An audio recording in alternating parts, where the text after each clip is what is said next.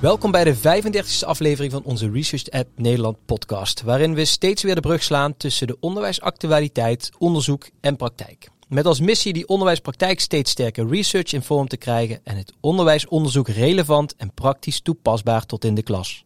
In de komende weken nemen we u steeds weer mee met een van onze sprekers om een doorkijkje te maken naar ons nationale congres van 11 maart op het Corlaar College in Nijkerk. Mijn naam is Jan van de Ven en dit is een nieuwe aflevering van de Research Ed podcast.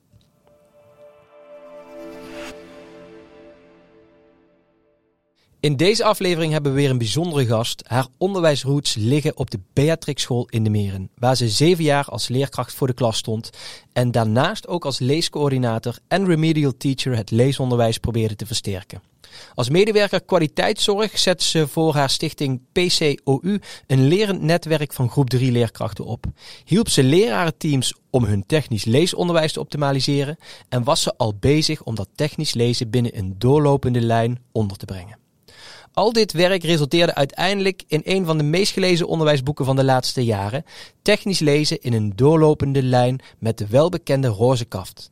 Als onderwijsadviseur met behoorlijk wat praktijkervaring bij Expertis verzorgt ze trajecten en trainingen voor het leesonderwijs, maar ook bijvoorbeeld rondom didactisch handelen. Ze weet als geen ander theorie en praktijk rondom leesonderwijs aan elkaar te verbinden. Welkom, Marita Eskes.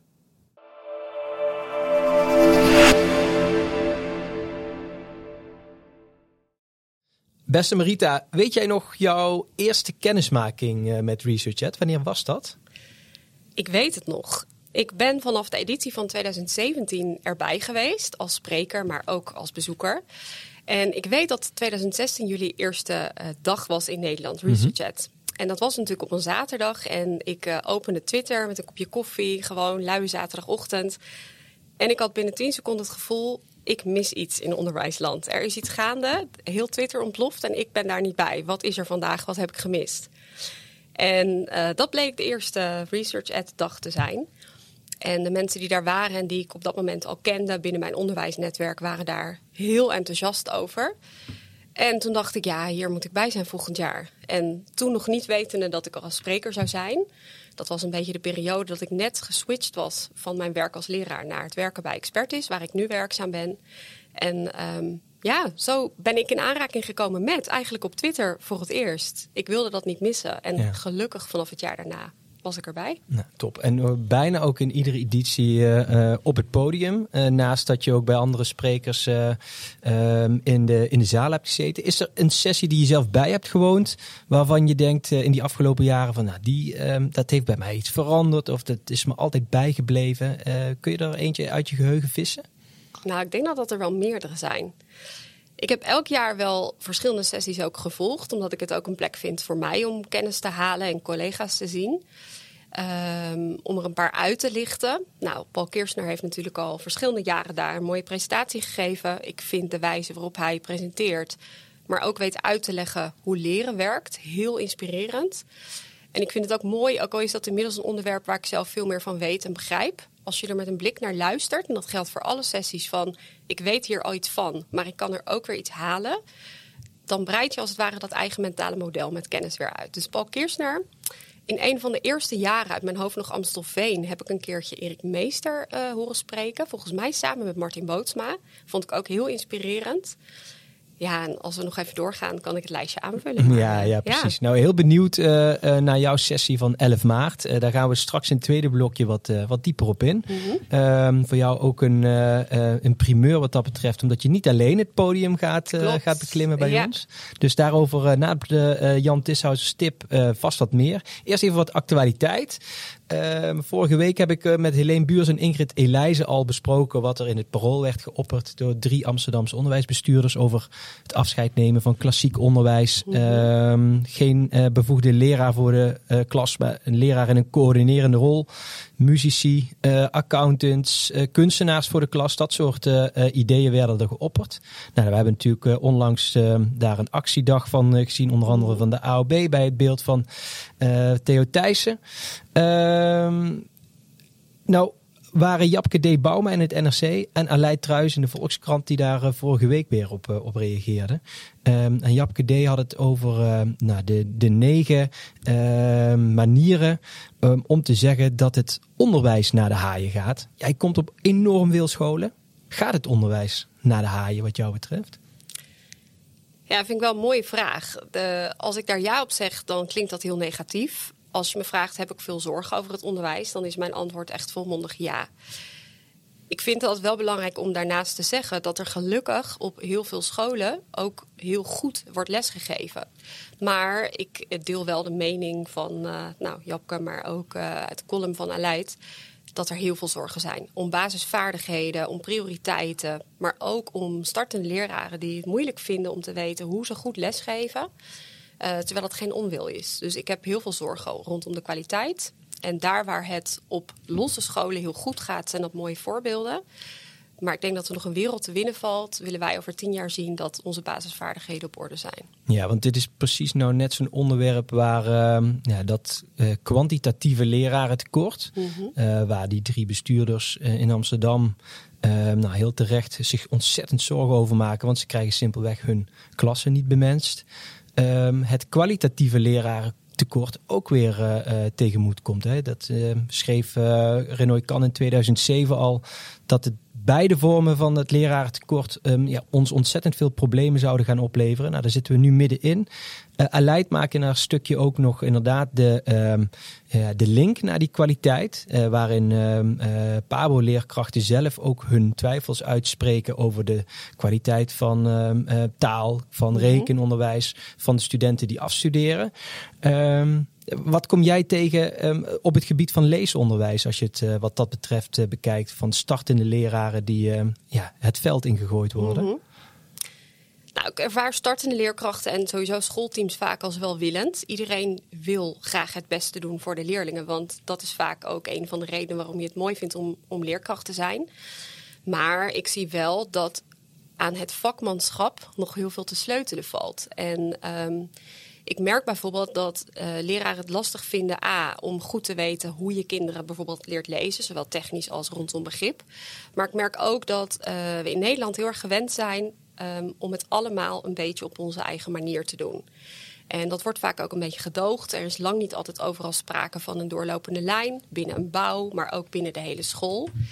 En dan kom je natuurlijk ook gelijk bij de onderwijskundig leider. Daar begint het ook met schoolbrede doelen stellen, verwachtingen, ambities. En ik denk dat daar een probleem zit in het hoge verwachtingen hebben, maar ook de, de invulling van de lessen, hè, de kwaliteit.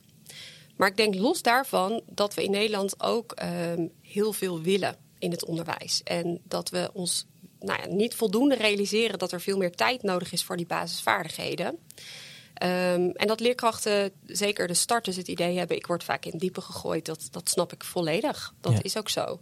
En dat kan denk ik echt beter. Het begint bij goed leren hoe je vak in elkaar zit. Want ja, leraar zijn, dat bleek natuurlijk ook maar weer uh, de reactie op uh, nou, de staking als reactie zeg maar, op het uh, voorstel van de bestuurders in Amsterdam.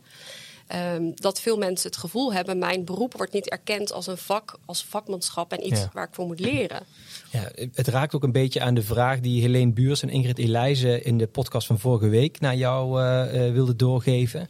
Uh, omdat je juist op ontzettend veel uh, verschillende scholen uh, terechtkomt. Al een aantal jaar ook met nou, die ambitie en die missie eigenlijk om dat leesonderwijs te verbeteren. Heb je het idee dat, er, um, dat je over het algemeen een, um, een ander niveau tegenkomt op dit moment als je een school binnenkomt? Oftewel, is er progressie te zien in het startniveau van waar jij op in moet haken als ze jou inroepen voor een traject of een mm -hmm. training?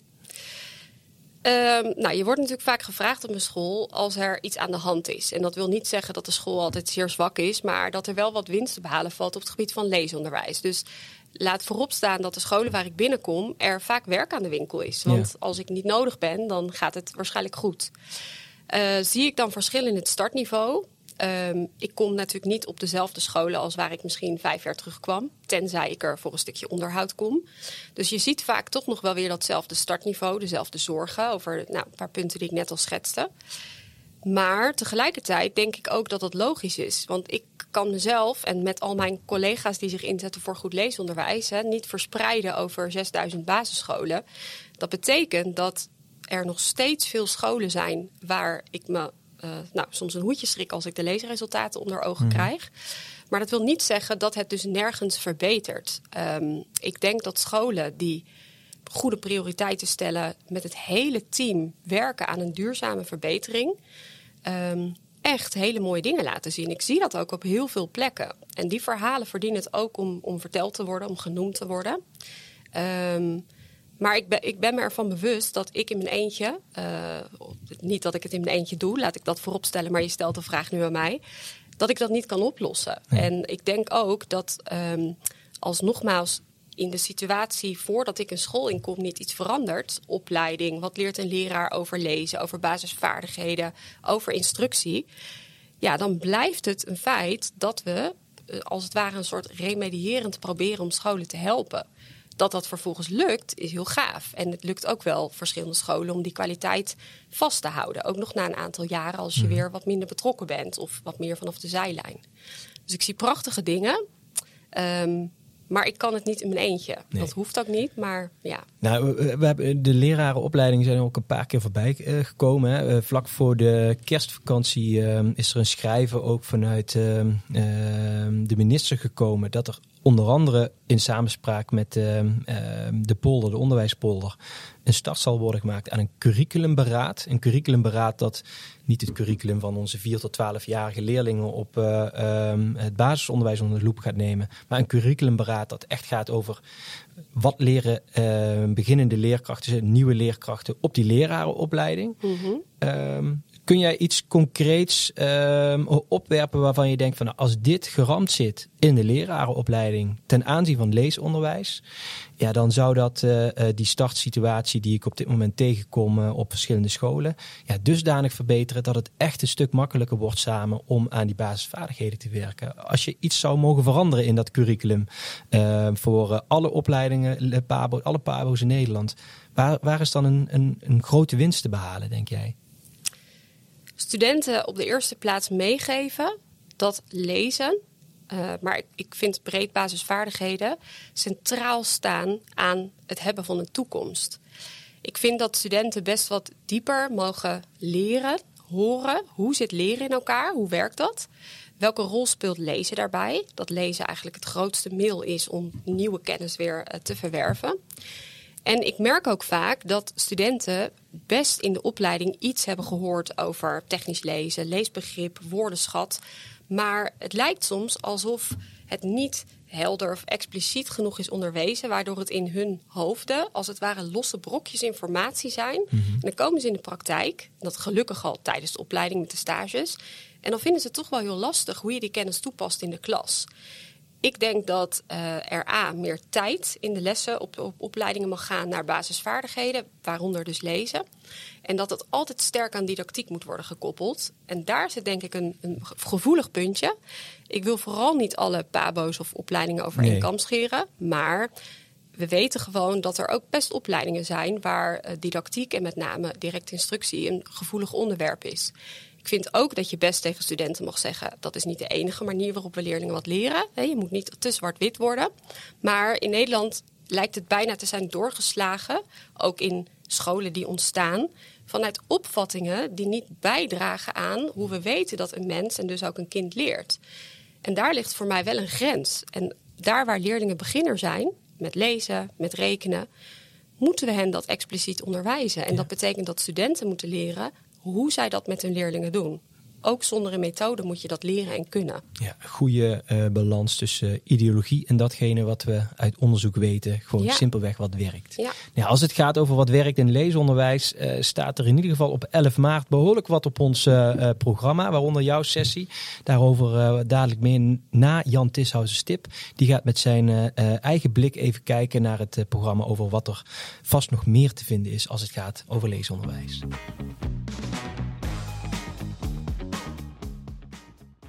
Hallo en welkom bij Tishouses Tip. Het is mooi om te horen dat onze minister het initiatief heeft genomen om naar het curriculum van de lerarenopleidingen te kijken. Hopelijk biedt dit de gelegenheid om de ideologische veren af te schudden en gewoon te kijken naar wat er werkt. Met name als het gaat om het aanleren van de basisvaardigheden. We hebben, zoals elk jaar op ResearchChat, ook dit jaar weer veel aandacht voor het leesonderwijs. Laat ik maar bij de basis beginnen. Shirley Snip en Maureen Grevik geven hun sessie met eenvoudige titel Zo leer je kinderen lezen en spellen. Zij verklappen ons dat de kwaliteit van instructie belangrijker is dan de gebruikte materialen. Hoe die instructie het beste gegeven kan worden, gaan zij je vertellen. Mijn volgende tip gaat over begrijpend lezen, nog altijd een belangrijk onderdeel van het eindexamen. Close reading, ik zou het aandachtig lezen willen noemen, is een mooie manier om kinderen dit te leren. Tony van Dalen en Manon Biemans vertellen jullie meer, zo niet alles over close reading in het voortgezet onderwijs. Luc Koning heeft een sessie ingediend met de integrerende titel Redzaamheidslezen, onderzoek naar het stoppen van het race lezen. Ik ben zelf opgeleid met het idee dat we kinderen vlot moeten leren lezen en we hadden toen de brusttest. Die draaide om aantallen woorden in een minuut. Tegenwoordig werken de AVI-testen nog steeds met snelheid. Luc presenteert de uitkomsten van zijn promotieonderzoek waarin hij kinderen heeft gevolgd die op een andere manier leren lezen. De uitkomsten? Daarvoor moet je naar zijn sessie gaan. Ik hoop jullie allemaal te begroeten op 11 maart aanstaande in Nijkerk. Tot dan. Marita, op 11 eh, maart uh, op het podium en deze ronde dus niet alleen, maar met twee collega's uh, uit het basisonderwijs. twee leerkrachten, Ineke ten Hoeve en Marianne van den Dikkenberg. Um, waarom heb je deze ronde ervoor gekozen om in trio te gaan spreken? Ja, waarom heb ik daarvoor gekozen? Nou, ik vind het gewoon prachtig dat Research at een congres is waar wetenschap en praktijk elkaar vinden. En um, toen dacht ik, ja, hoe mooi is het dat ik niet alleen iets vertel over hoe ik aankijk tegen hoe je goed leesonderwijs zou kunnen of moeten aanpakken, in mijn opinie. Maar hoe mooi is het als ook een school uh, waarmee ik samenwerk een plekje mag krijgen, een podium verdient om het verhaal te vertellen. Het onderwijs dat zij daar samen maken. Dat verhaal verdient het, wat mij betreft, om verteld te worden. Kun je iets meer uh, vertellen over uh, dat verhaal? Kun je een tipje van de sluier oplichten over wat bezoekers op 11 maart in de sessie van jou en Ineke en Marianne kunnen verwachten? Jazeker.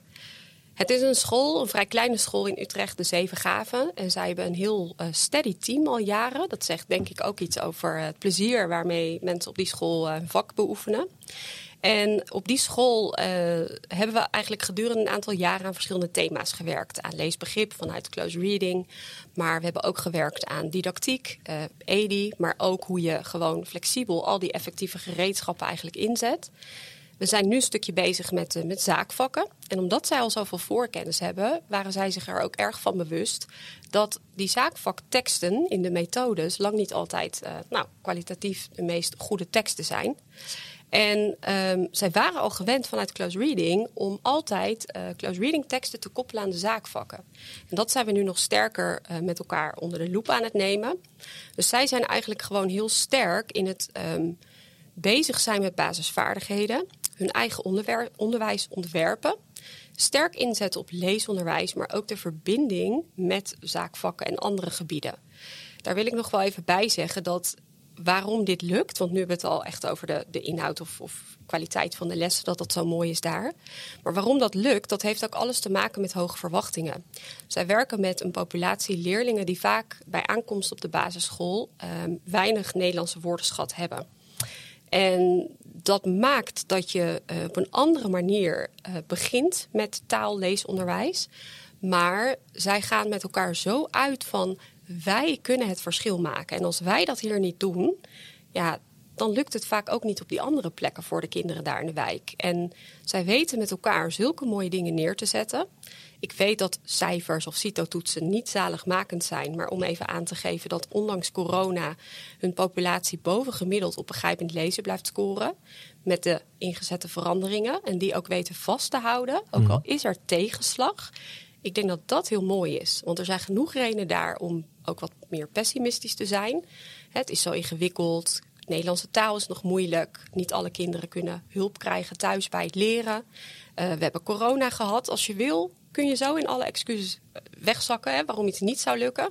En zij blijven met elkaar positief van, maar het lukt wel. En het lukt ook. Nou, wat mij betreft mag je dan je verhaal vertellen. Nou, dat is een heel mooi verhaal. Het raakt ook natuurlijk gewoon een van de andere eh, grote thema's in het onderwijs. als je het hebt over kansengelijkheid. Um, je, uh, jullie hebben hier in de omschrijving van de sessie, toen jullie hem naar ons toesturen, ook gezegd van dat het ook van belang is als het gaat over dat leesonderwijs. Dat spreken en schrijven daar ook een behoorlijke rol in krijgen. Ehm, hoe moet ik me dat voorstellen? Ja, spreken, interactie is in elke les, hè, los van de leesles van belang. Door kinderen over leerstof te laten praten, uh, wordt leerstof beter onthouden.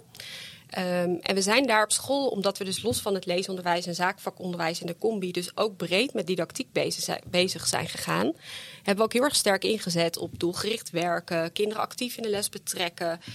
Um, dus ook veel interactie. Dat kunnen controle van begripvragen zijn, bij rekenen, spelling.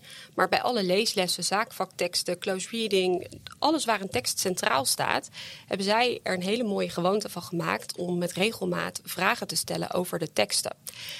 En waarom dat zo belangrijk is, dat is voor elk kind van belang. Maar juist die leerlingen die niet van huis uit de Nederlandse taal woordenschat meekrijgen, is het natuurlijk prachtig als je de hele dag moet proberen om de schooltaal niet alleen aan te horen van een leerkracht die dat perfect uitlegt, maar dat je ook zelf die taal moet gebruiken. Mhm. Dus interactie is heel krachtig. En daarnaast zijn we ook bezig om uh, eerst geïsoleerd bij close reading en de leeslessen, maar nu ook bij de zaakvakken, leerlingen aan te leren om mee te schrijven. En dat doen we stap voor stap. Er is nog een weg te gaan. Maar lezen en schrijven maakt dat je datgene wat je leert beter onthoudt. En het activeert. Dus het mooie is dat als je daar een klas binnenloopt er bijna geen leerling is die ontkomt aan ik moet meedoen. Want er wordt continu iets van de leerling gevraagd. Ja, is prachtig. Een, een veel bredere blik op, uh, op het leesonderwijs dan uh, alleen maar je roze boek. Uh, um, ja. De technisch lezen in die doorlopende lijn. Ehm, je pakt er wat dat betreft veel meer bij dan alleen maar dat technisch leesaspect. Dat klopt. Ik heb al een aantal jaren bij uh, Research Ed iets verteld over technisch lezen. Ook al uh, één of twee keer voordat het boek er was.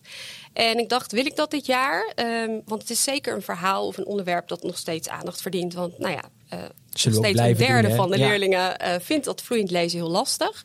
Maar ik, ik ben in mijn werk ook met zoveel andere mooie dingen bezig. En uh, wat ik heel goed begrijp. Maar sommige mensen denken soms, Marita doet vooral iets rondom technisch lezen op scholen. Ik vind het uh, prachtig als je ook dingen aan elkaar kunt verbinden. En het stukje leesbegrip en dus ook kennisverwerving, et cetera heeft mij grote interesse. En al een aantal jaren heb ik heel veel gelezen. Nou, van een aantal boeken liggen hier over van Heers, uh, Willingham. Um, ik dacht, ik vind het en leuk zelf gewoon. Even net een keer vanuit een andere invalshoek iets over lezen in combi met hoge verwachtingen te, te bespreken. En ik had dus al in mijn hoofd van ja, wat ik hier aan het doen ben op die school, daar geniet ik van. Maar laat voorop staan, de leerlingen genieten daar daarvan. Dus ik dacht, daar, daar valt een soort combinatie te maken. Um, en tevens, daar zullen de kijkers binnenkort uh, misschien wel iets over zien of horen, heb ik ook weer uh, de pen opgepakt. Uh, dus ik vind het ook leuk om naast het scholen begeleiden bij meer dan alleen technisch lezen, ook zelf weer iets moois te maken dat iets breder gaat dan technisch lezen. En um, ja, toen dacht ik, als ik met zoveel mooie dingen bezig ben, waarom zou ik bij Research Ads niet een keer een iets breder onderwerp oppakken? Dus, uh, ja, top. En het raakt natuurlijk ook aan wat je al zei over wat soms nog wel eens een probleem is in de opleiding. Dat er bepaalde brokjes worden aangeboden, terwijl het juist ook vaak over die samenhang gaat. Uh, en volgens mij um, ja, maak je met deze uh, vervolgstap ook duidelijk dat die samenhang ook voor de leerkracht enorm van belang is. In het didactisch handelen en in alle ambities die we in ons onderwijs hebben. Ja, ja, mooi. Ja, dat klopt. Hey, um, volgende week is uh, Simon van de Zee hier te gast bij mij in de podcast. Hij is lector vernieuwingsonderwijs bij Saxion. Hij komt een, um, een sessie geven um, waar, met de, de pakkende titel 1000% succesvol succes voor ieder kind. Um, lekker een beetje overtrokken over de maakbaarheid van onder andere zelfredzaamheid. Mag ik een vraag van jou meenemen richting uh, voor volgende week? Ja, leuk. Ik heb daar even over nagedacht. Um, ja, lector vernieuwingsonderwijs, hè? Dat, uh, dat is wat ik las. En dat vind ik wel een interessante. We hebben vaak veel nou ja, uh, kritiek, zeker op social media, waar communicatie kort, kort is. Uh, op vernieuwingen. We zeggen soms een beetje over eenkamscherend van vernieuwingen, die zijn vaak niet per se effectief. maar ehm, hij geeft ook aan juist weg te willen blijven van onzin. Uh, daartegen te willen strijden. Dus ik vond dat wel een mooie. Van, ik zou wel nieuwsgierig zijn naar wat hij verstaat onder vernieuwingsonderwijs vanuit zijn rol als lector. En of hij dan een paar voorbeelden kan noemen van vernieuwingen waarvan hij denkt: hé, hey, daar uh, verbetert het, het basisonderwijs of onderwijs breed, daar verbetert het onderwijs van of door. En uh, kan hij dan voorbeelden noemen waarbij hij ziet hey, de kwaliteit, uh, de, de opbrengsten voor leerlingen, die gaan hierdoor groeien? Daar zou ik nieuwsgierig naar zijn. Die neem ik zeker mee volgende week naar, uh, naar Sijmen. Uh, wanneer is onderwijsvernieuwing ook een onderwijsverbetering? En uh, concrete ja. voorbeelden ja. daarvan. Dankjewel daarvoor Marita. Ook super bedankt dat je vandaag te gast wilde zijn hier bij ons in de studio. En mooi dat je op 11 maart op het podium staat met Ineke en met Marianne. voor meer informatie over ons programma en de fysieke en online kaarten die er nog te krijgen zijn, kun je meer informatie vinden op onze website www.researchat.eu. Volgende week zijn we terug met weer een podcast met Simon van der Zee. Um, tot dan.